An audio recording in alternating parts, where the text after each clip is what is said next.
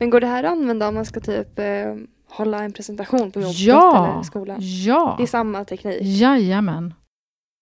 Att inte sjunga fint nog och bli bedd att vara tyst när man är i skolkören när man är nio år. Det har ju präglat många människors liv som man träffar, tycker jag. Att säga nej, jag kan inte. Så att det finns ju absolut en demokratisk rättighet i att få höras både med sin talröst och med sin sångröst.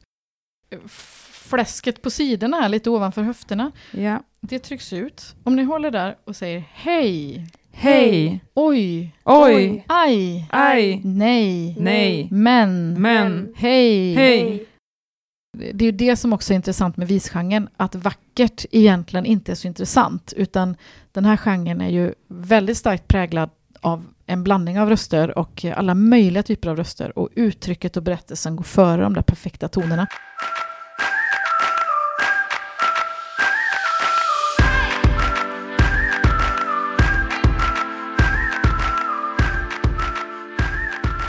Hej och välkomna till ett nytt avsnitt av Har du lyssnat på kroppen? Hej Moa! Hej Josefin! Nu är vi här igen. Yes, Så jäkla gött. så jävla kul. Och det, det, vi står här med en gäst. Men innan vi avslöjar vem gästen är så vill vi bara tacka Christer på en Friends för han eh, och gänget lånar ut de här fina inspelningsgrejerna till oss som gör det möjligt att vi kan göra den här podden. nu. Ja, vi är väldigt, eh, väldigt glada över att ha dem.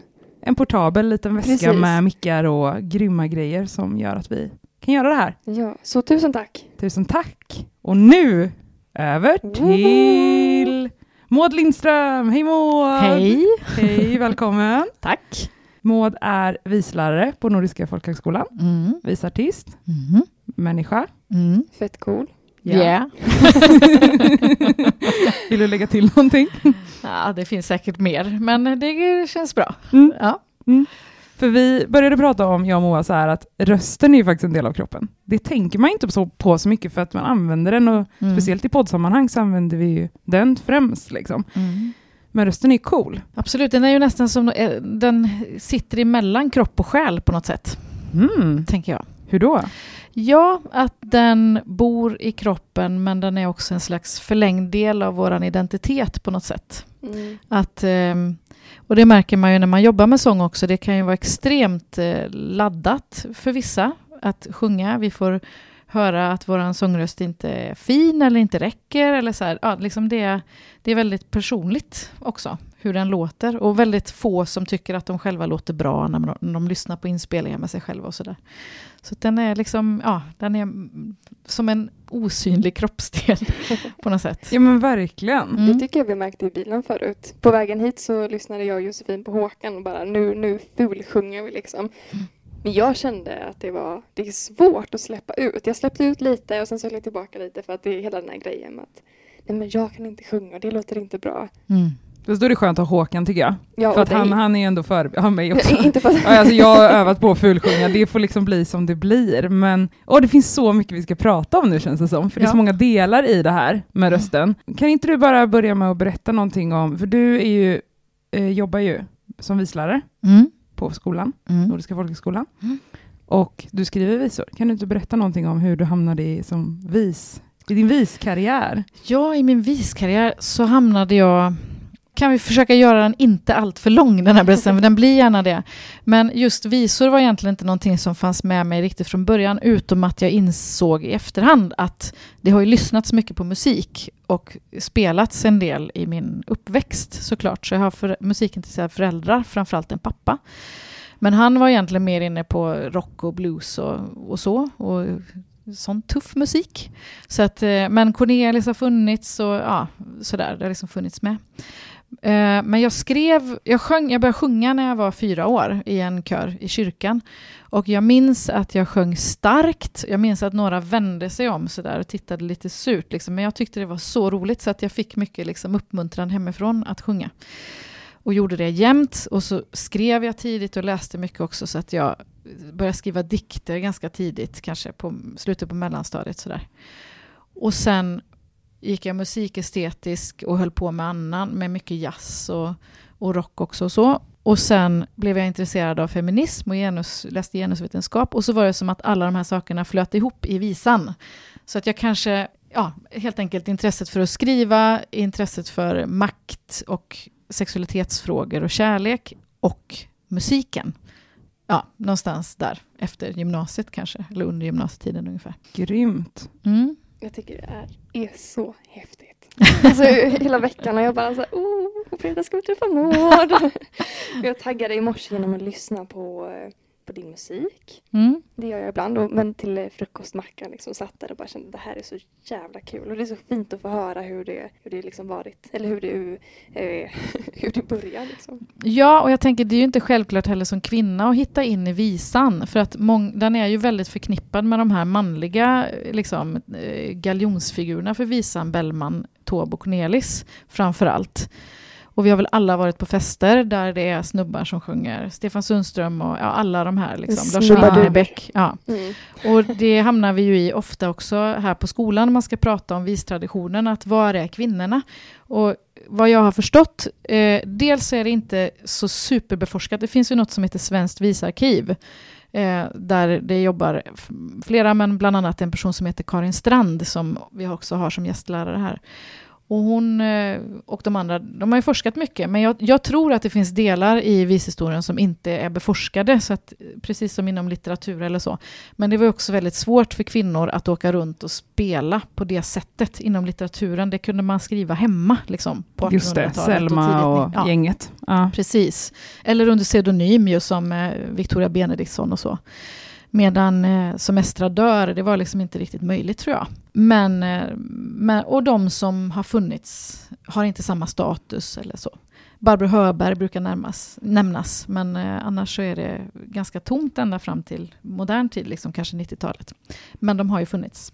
Men det beror också på hur man definierar visa, vilket är... Ja men det är det jag tänkte komma in på, för jag har ju förälskat mig i visan för att det är en berättande form. Mm. Och det skiljer ju ändå annan musik, eller hur? Du får rätta mig om jag har fel nu, men jag tänker att det, det skiljer annan musik från, eh, från visgenren liksom. Ja, det är väl det som vi har landat i definitionen här. Är ju, det, det finns ju en tradition så att säga som härstammar ända från medeltiden med de här medeltida balladerna. Men, och sen så pratar vi om det som ett uttryck, ett uttryckssätt som du säger, där Mm. texten står i fokus. Och då kan det låta nästan hur som helst. Då kan det vara elgitarrer och looppedaler och vad man vill nästan.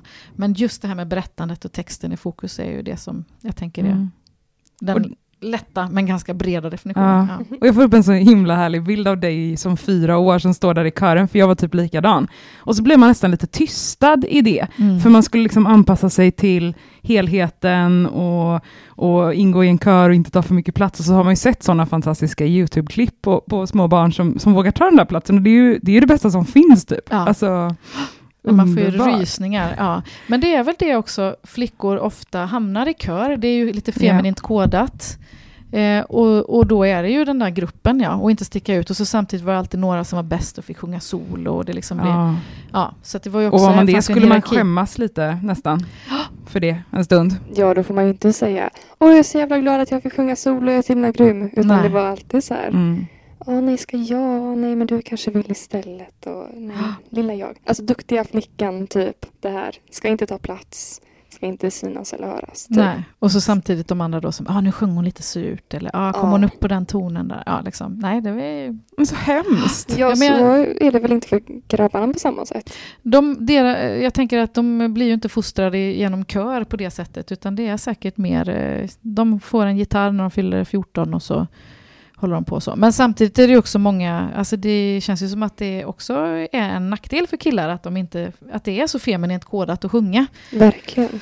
Jag tänker att det blir lite som ridsporten nästan, att det är Ja. så här, väldigt många tjejer som håller på, och så de killarna som blir bra och som fortsätter, det är de som blir stjärnor liksom.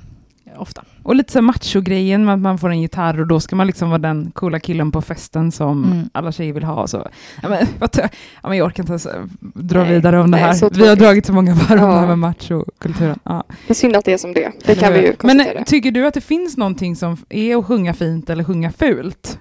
Jag gillar inte att prata om det så här egentligen, men det, det, vi använder det ju ändå så Utifrån Ja. det vi precis pratade om dessutom.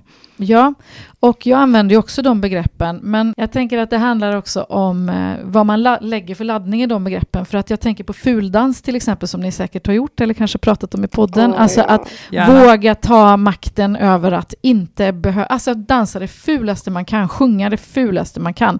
Det är ju så enormt befriande Mm. när man är, det är så laddat det här att det ska vara vackert. Mm. Men jag märker ibland när jag undervisar och börjar prata om det i- i formen av fult och fint att det är inget bra. Liksom. Det är, det, de har inte samma, alla har inte samma laddning i de begreppen.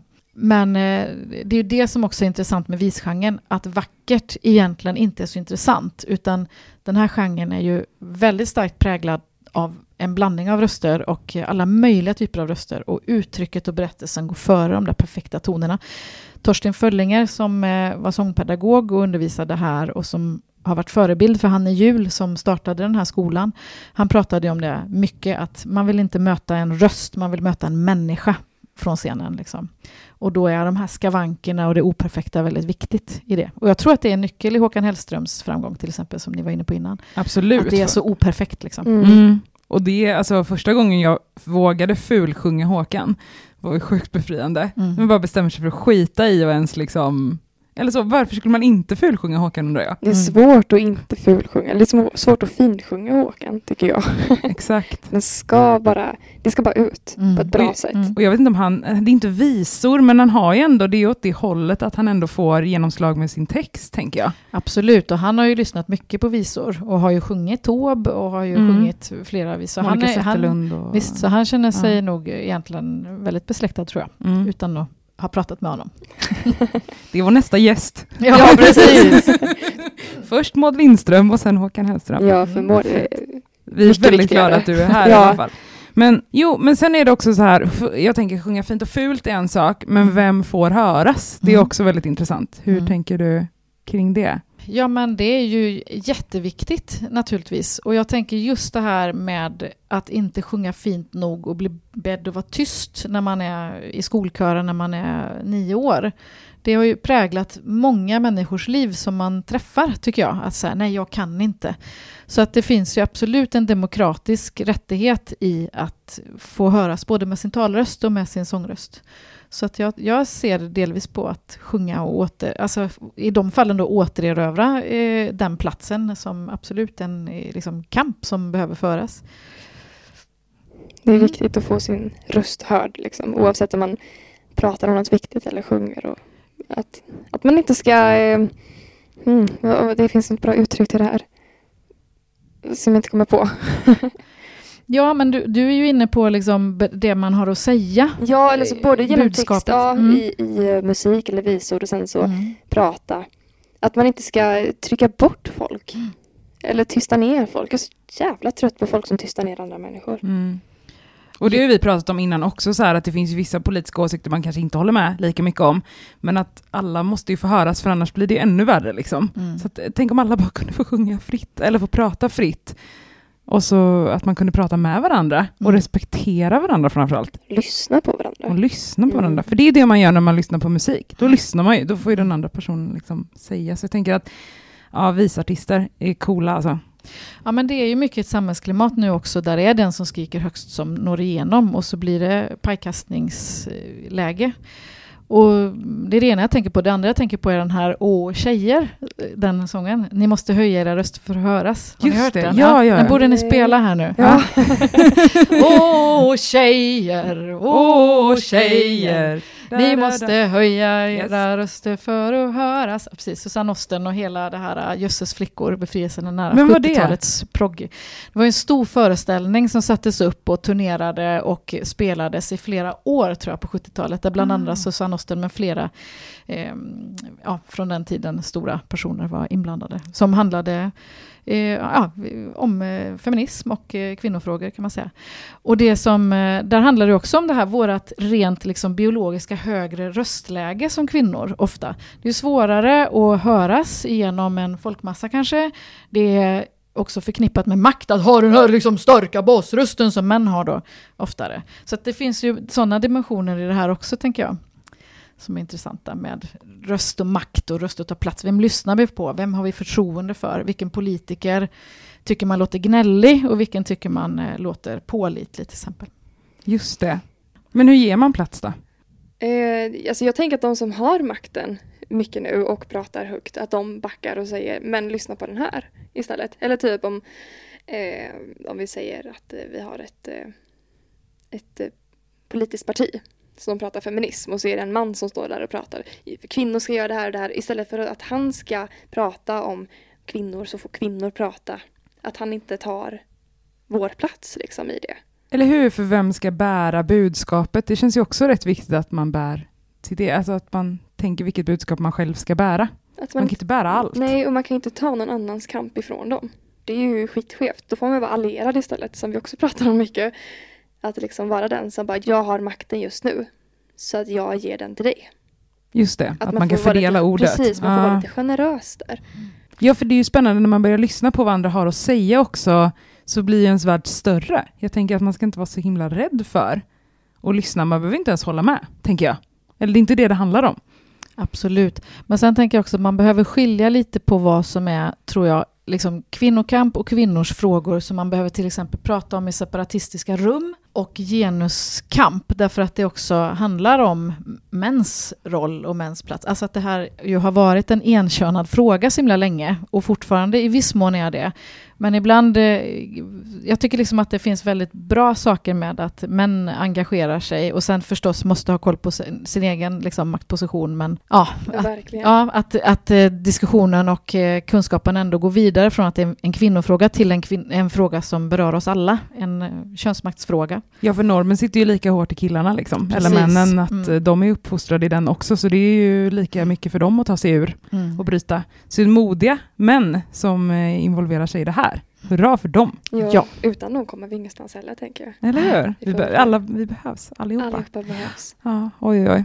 Men alltså, jag, jag brukar tänka så här att det också känns för mig som att när jag går runt hemma och sjunger, så oavsett om jag sjunger fint eller fult eller vad jag tycker att jag håller på med, så kan jag ibland känna att jag är i mig själv mycket mer. Att jag är närmare mig själv när jag är grundad och, liksom, och då blir det, en, det är så jäkla häftigt när man kommer på det, att man har en annan röst. Mm. Eller det här är min röst liksom.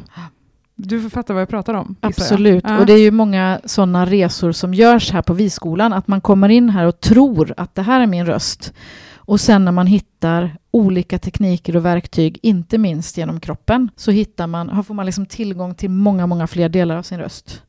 Eh, ljusare toner, starkare toner, skrovliga saker som. Alltså det kan hända så enormt mycket. Och väldigt mycket av det kan man hitta genom kroppen. Mm, Sänka andningen. Ja, och våga också. Men vad, om, man, om man aldrig har provat göra en, om man, om man blev tystad kanske, eh, när man var fem år, eller något, eller man aldrig har velat sjunga eller provat, vad, vad skulle vara den första, om jag tänker bara nu, om man lyssnar på det här avsnittet, vad ska, vi kan, göra en, kan vi inte göra en övning? Bara för att så här, eh, hitta oss själva, för att få ett steg närmare till att vilja fortsätta undersöka det, så tänker jag att du ska inte rädda världen och att alla ska hitta. Du såg min min här nu, jag ja, kände det här stora ansvaret här nu.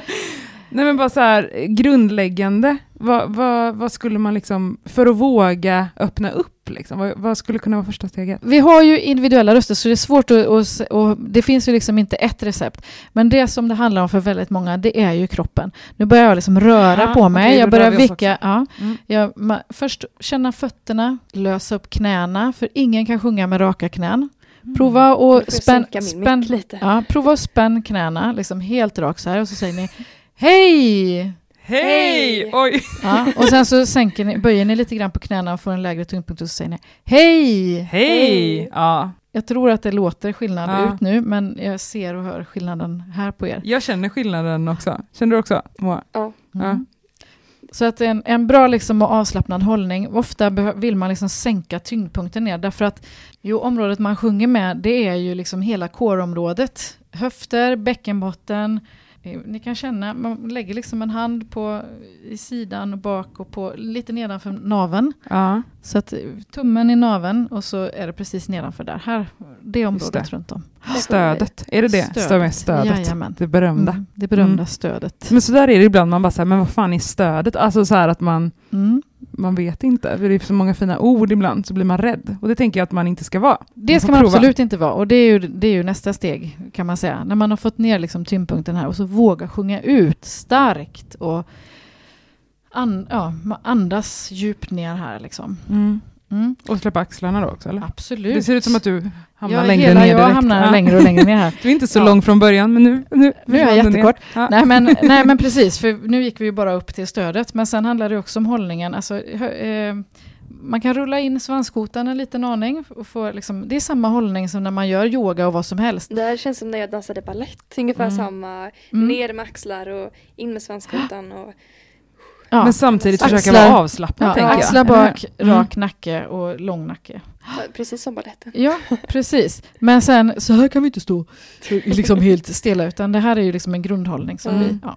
Men går det här att använda om man ska typ eh, hålla en presentation på jobbet Ja. eller skolan? ja. Det är samma teknik. Jajamän. För rösten är ju röst även när vi pratar, Ja. eller hur? Och Ja. det är ju också en viktig sak, därför att när vi sjunger och har fått in lite teknik och jobbat ett tag, då är vi ganska bra på det. Men sen när vi pratar, då börjar vi slarva, vi börjar knorra och vi börjar...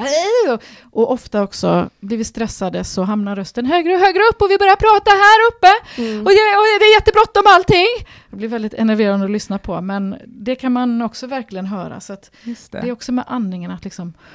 Hmm. Vi kanske borde börja alltid podda ståendes, Josefin. Med Maud. Med Maud, ja.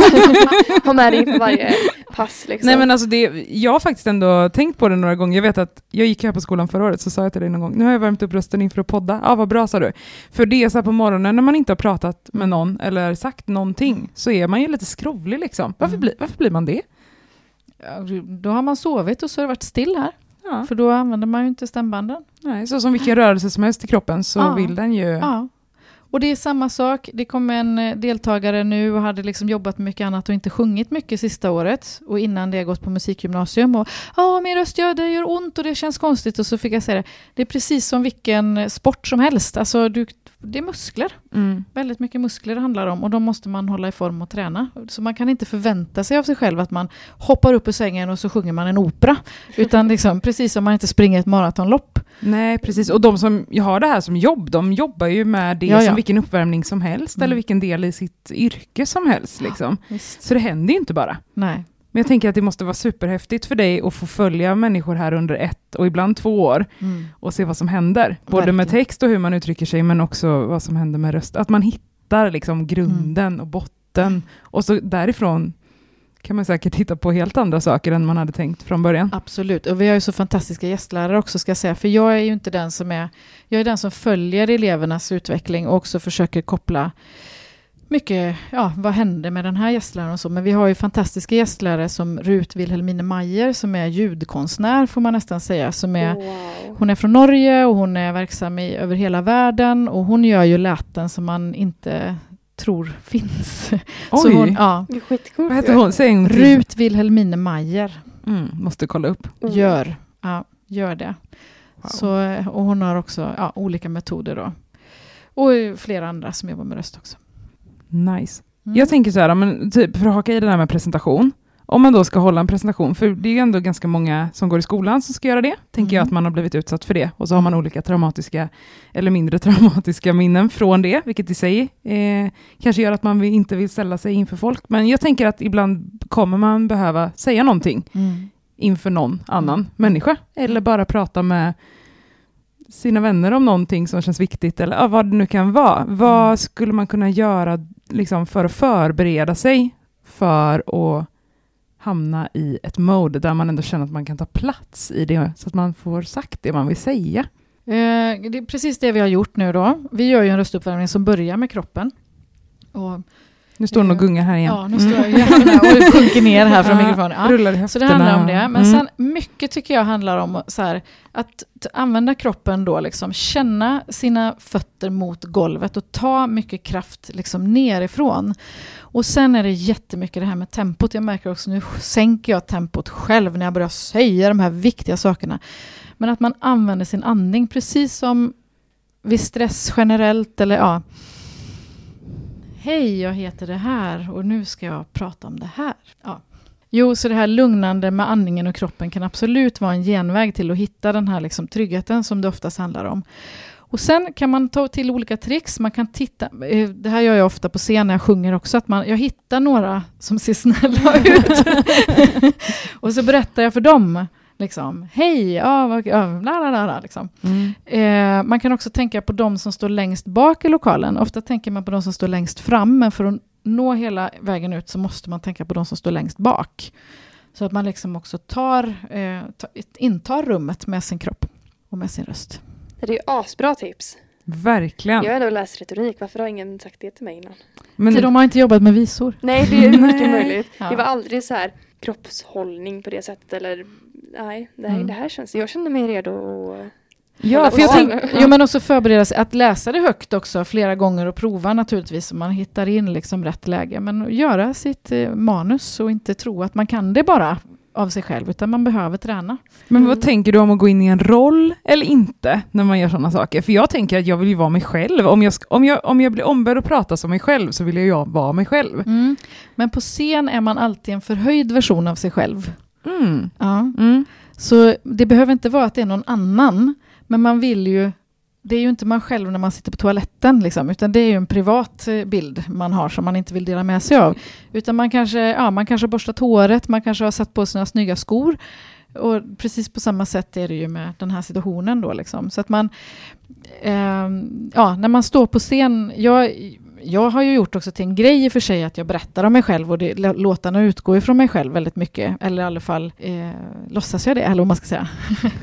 kan vi komma in på sen. Ja. Men, eh, eh, men det är ju en förhöjd version av mig som står där. Det är ju inte jag, jag. Men man paketerar sig då, som man, eh, efter liksom, situationen. Då.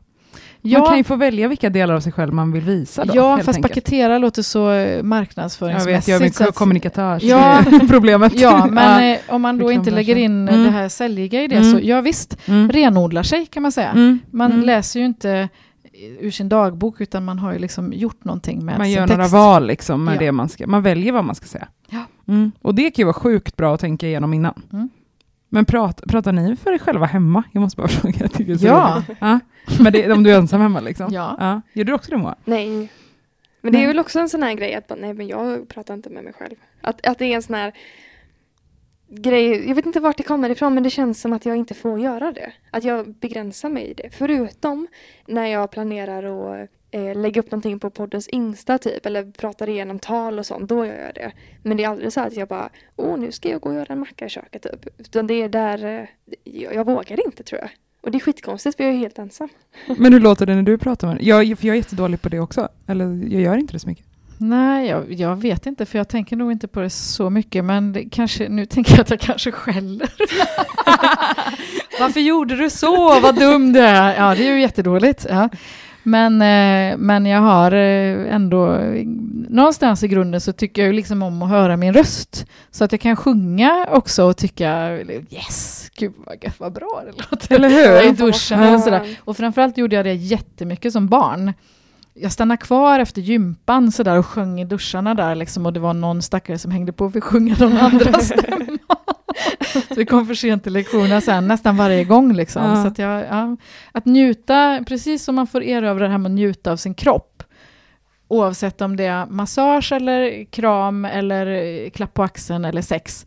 Så att njuta av sin röst. Exakt, för det är det som händer när jag hittat min egen röst och jag går Ja. runt där hemma och bara, jag, jag pratar nog inte med mig själv men jag sjunger ganska mycket. Det är så befriande. Mm. Och så var det grannen ovanpå och spela gitarr ibland. Så jag, jag visste inte att han var hemma, men jag skrålade på där nere och det är inte så stora lägenheter. Och sen så var jag tyst en stund, då började han spela och så slutade han och så sjöng jag och så höll vi på. Så, det är så befriande när det liksom får vara så istället för att man är så ah, min Mm. jävla granne som, som tror att hon är en, alltså, utan det är Mm. välkomnande, Mm. tänker jag. Att, och att det får låta som det gör. Men det är fantastiskt, jag uppmanar alla till att försöka hitta Mm. en, he- en helt annan botten, men det handlar ju om att man hittar en botten i sig själv såklart Mm. också, men, Men det finns, prova. också, det finns också olika sätt om man är, längtar efter att sjunga. Så att gå med i en kör, Mm. till exempel en gospelkör eller någonting där det är lite drag är ju fantastiskt liksom, frigörande.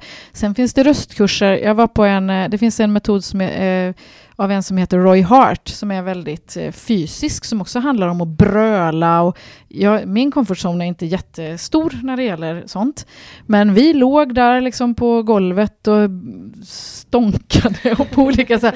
Alltså och tillsammans och också fysiskt att man skulle stå liksom med eh, och knö på varann och låta samtidigt och så. Det är, det är väldigt, väldigt härligt. Så man måste liksom inte gå som en sångpedagog och lära sig sjunga la, la, la, la, liksom. Utan det finns olika eh, vägar att gå. Och att För det är göra vibrationer i rösten. Ja, visst, det är det här som är så läkande tänker jag. Att man, eh, inom yoga sjunger man ju ändå så mantran. Och man, Ja, alltså, visst. sången finns ju återkommande i många olika traditioner. Ja, ja. Där det har varit en gemenskap i text och röst och att det finns ju en naturlig vibration. Liksom. Ja. Men det är klart att ibland om man skulle berätta vad man gör på de här yoga-retreatsen och, och det man är på så skulle folk tycka att så här, okej, ni hade en masspsykos. Liksom. Mm. Ja, det kan det se ut som, men det är absolut inte det, utan vi var bara otroligt närvarande i våra kroppar. Liksom.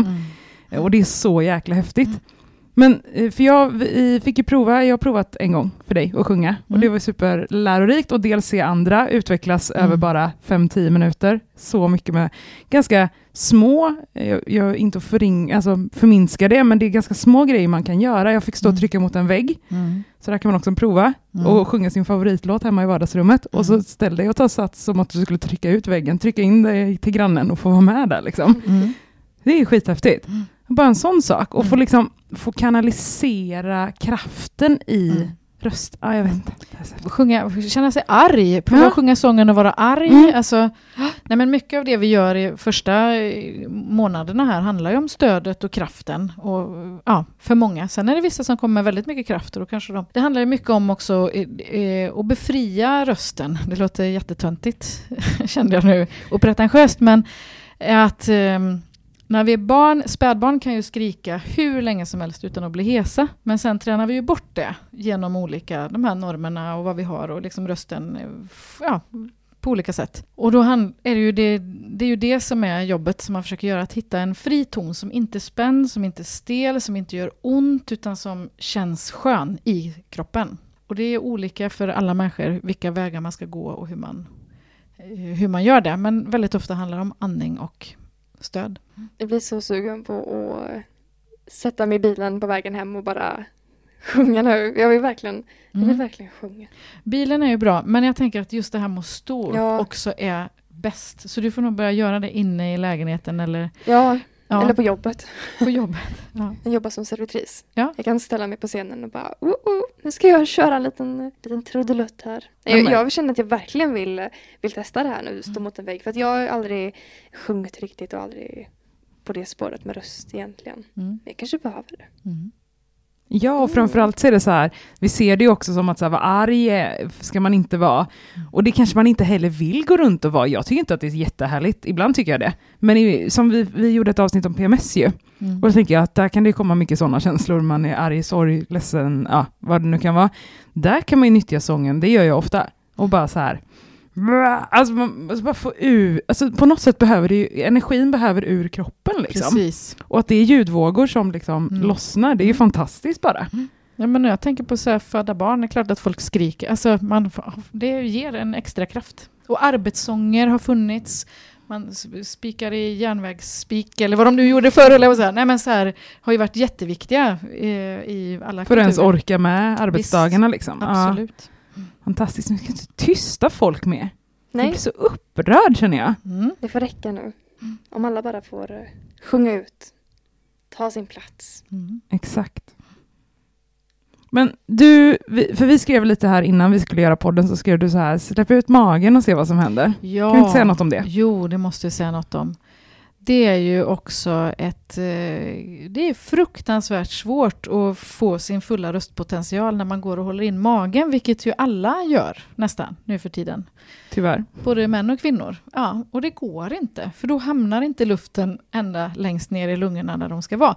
För det som händer är att diafragman, när man andas in och andas ända längst ner, inte har den här ytliga andningen, den stressade, utan ända ner i botten. Då trycker diafragman ner liksom tarmar och grejer och det är därför magen går ut. Och när vi då går och håller in det, då, kom, då får vi inte maximalt med luft och så får vi inte maximalt med stöd, helt enkelt. Och det gäller ju när vi pratar också då, tänker ja, jag. Ja, ja. Så att herregud. Ut Mm. med magen. Ut med magen.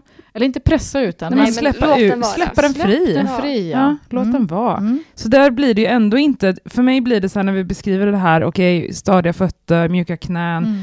Det blir lite så här grundposition som och så bara axlarna bakåt och så. Mm. Men där har man ju ofta, och spänn magen, Mm. men det är den som inte är med här. Ja, när man sjunger så gör, kan, gör man ju det. Vi brukar säga att eh, liksom, fläsket på sidorna, lite ovanför höfterna, Ja. det trycks ut. Om ni håller där och säger hej, Hej, oj, oj, aj, aj, nej, nej, men, men, hej. hej.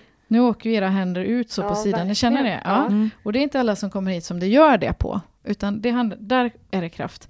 Men, eh, så de ska gå ut och sen om ni håller händerna bak på också lite på samma ställe. Liksom, I svanken ovanför- liksom? Nej, högre upp än svanken. Högre upp, En decimeter upp. Så man har höga det är- brallor på sig, typ där? Ja. Eller? Mm. Jag, Här. försöker, jag försöker tänka hur de som Ja. lyssnar...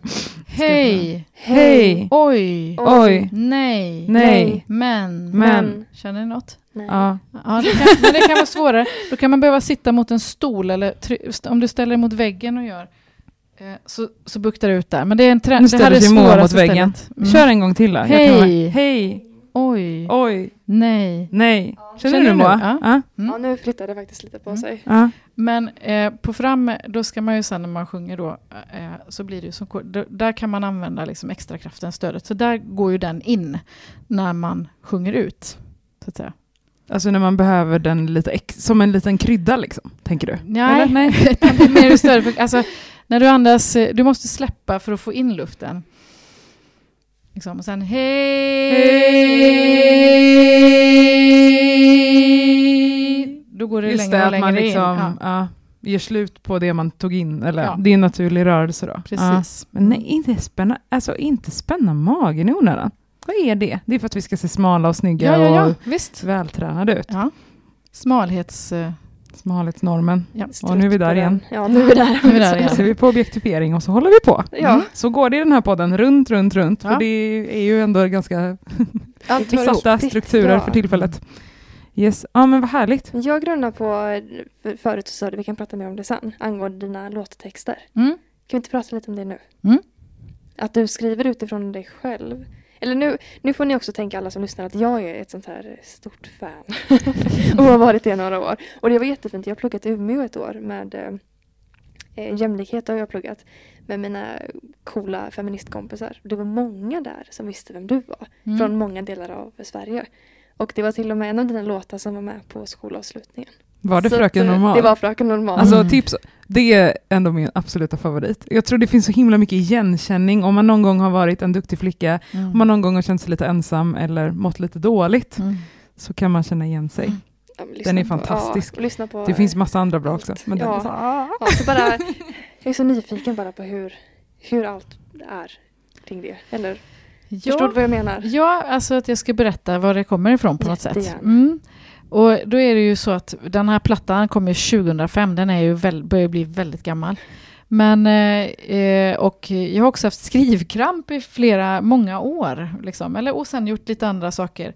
Så att eh, jag har ganska nyligen liksom hittat tillbaka till det skrivna. Så att nu hoppas jag, det går fruktansvärt långsamt och eh, är svårt, men jag hoppas att det ska komma mer. Ja, nu har jag sagt det i podden. Men hade du gått här på Viskolan då? Eller nej? Nej, jag, gick, jag började ju skriva innan. Ah, då, ja. ja, men Mm. jag spelade in plattan precis i slutet på Viskolan. Just det. Ja, Mm. Så den kom på hösten 2005. Och eh, nej men jag tror att det är... Ja, jag tror, det är ju inget speciellt för mig, utan så tror jag alla gör. Men att man... eh, Att det är saker som händer i ens liv eller något som man hör som någon säger. Allting är ju inte exakt självbiografiskt, det är ju inga dagboksanteckningar. Så, men, fast jag vill gärna få dem att låta så i och för sig. Men, det, eh, det gör de. Ja, men, Mm. men då är det ju också ändå redigerat. Och någonstans så tror jag att det handlar om det här att ju mer personlig man är, desto lättare blir det att känna igen sig. Så det finns ju gubbar i 70-årsåldern som också känner igen sig eller hittar in i det här. Liksom. Mm. Så det är ju ett sånt där skrivtips, att inte hålla det för allmänt, utan plocka fram detaljer. Det här hände på just den här gatan, i just den här lägenheten på... I hörnet vid 7-Eleven. Precis! Ja. ja. Och, men vilket hörn? Ja. Exakt. Och där exakt. kan man ju ljuga såklart och hitta på. Det måste ju inte vara exakt rätt. Men allt det här gör liksom att vi att det inte blir för allmänt. Om man vill göra, sjunga något som alla ska gilla, då blir det oftast inte intressant för någon. Utan vad är det, ja, vad är det jag vill säga? Eh, sen så tror jag, det är ju de här, jag är ju intresserad av mig själv och mitt känsloliv, men också när jag började intressera mig för feminism, att jag förstod att men det här är inte bara jag, utan det, här, det finns vetenskapliga böcker som handlar om det jag känner.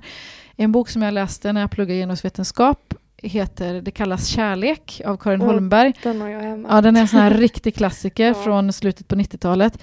Och den bara drabbar mig som en örfil. Liksom. Att, där har hon ju tittat på tio så kallade jämställda par. Eh, första halvan av boken är tung analys med jättemycket fotnoter.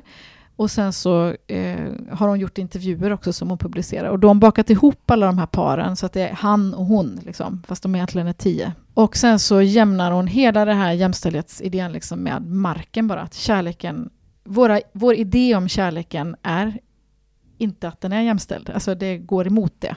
Och när de här paren försöker vara det så krockar de med massa olika saker.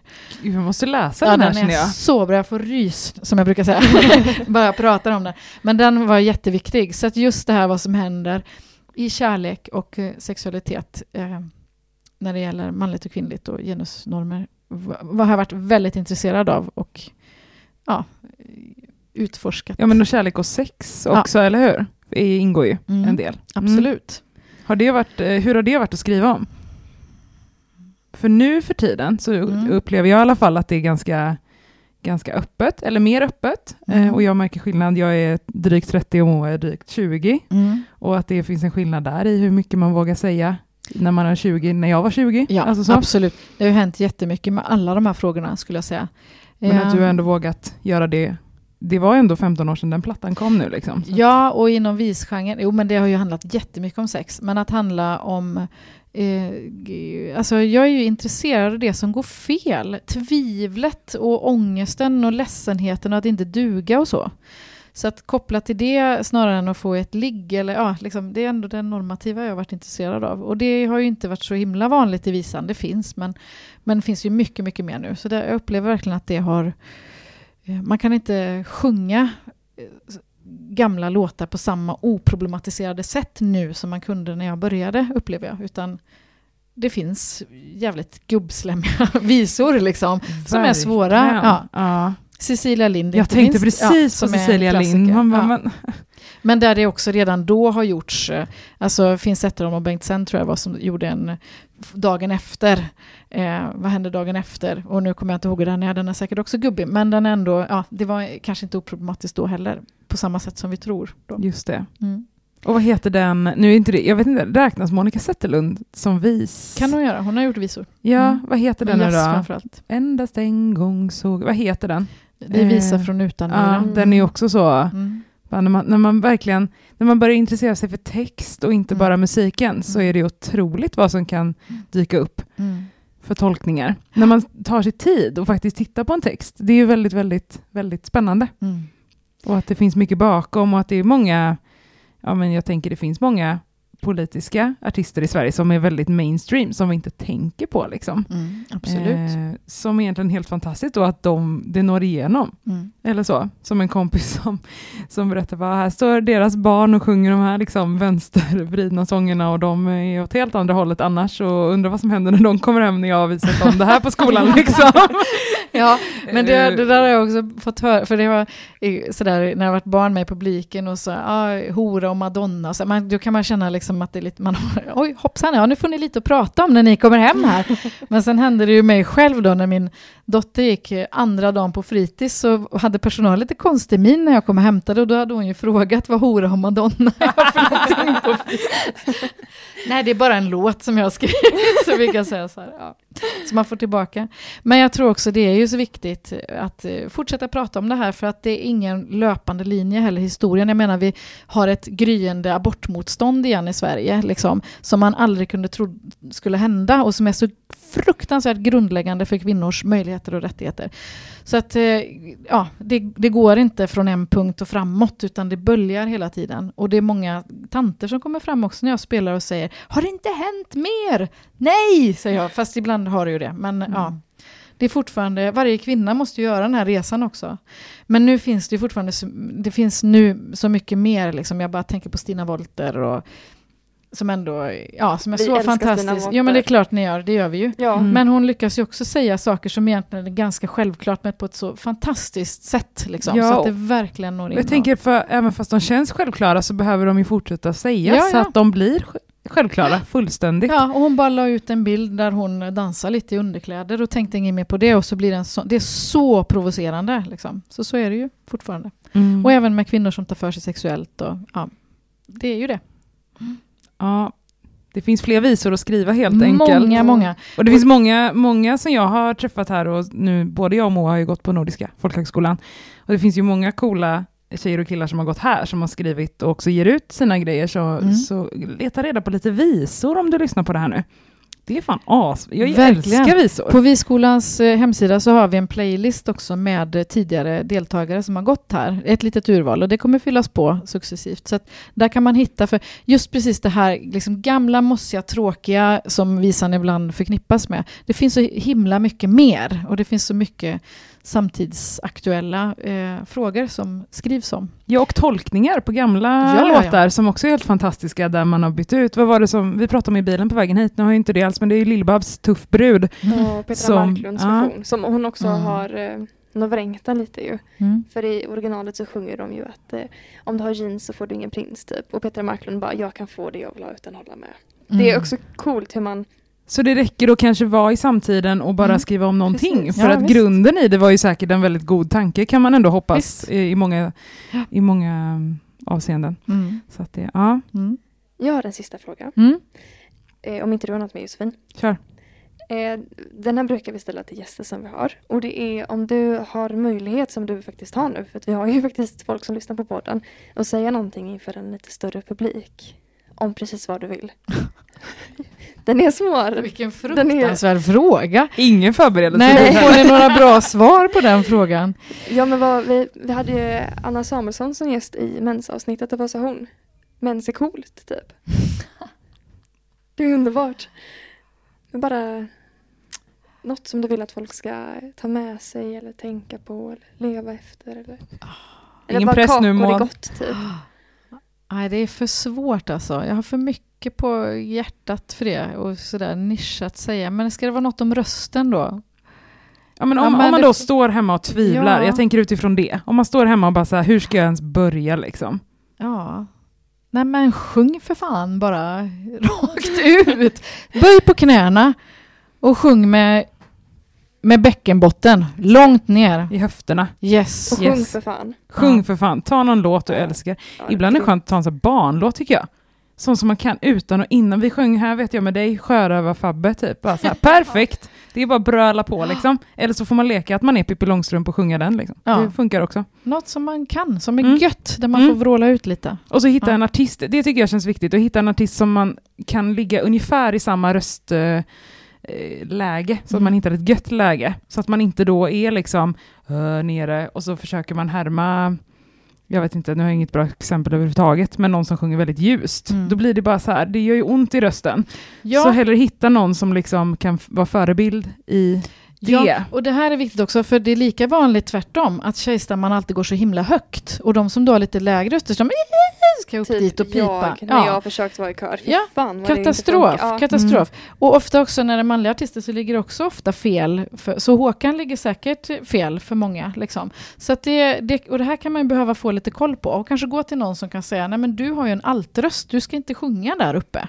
Utan ner med den. Och det här är också, redan på förskola så är ju det här problem för att personalen inte alltid får utbildning i att barns röster är mycket, mycket ljusare. Så personalen brummar här nere och barnen kan inte sjunga så. Och då lär de sig inte att sjunga och lär sig inte att höra. Och lär sig inte att sjunga tillsammans. Så det är, ah, nu blev jag engagerad igen. Underbart! Vi älskar när det blir engagemang här i podden. Exakt. När jag börjar svettas, då vet man att då, fan. Då är det bra. Ja, men jag har varit svettig, det är därför jag har Ja, legat på mig. Under exakt. dagens podd också. Det är helt fantastiskt att vara dig med Maud. Ja. Fantastiskt att få vara med, det var jättekul. Ja. Åh, Tusen ja, tack! Mera röst åt folket. Ja. Ta din plats. Sjung för Eh, fan. sjung, prova, spela in dig själv, lyssna på dig själv och vän dig vid din egen röst. Jag tycker det är så här asgrymt. Man kan bli lite trött på den när man väl har vant sig vid den. Jag tycker också om min röst. och det får man. Oh, ja. Ja, tusen tack för idag. Följ oss på Instagram. Har du lyssnat på Kroppen på kroppen? På kroppen. Och på Facebook heter vi samma. Ja, och ha det fantastiskt. Ha det fantastiskt. Puss och kram! Tjingeling! Hej då!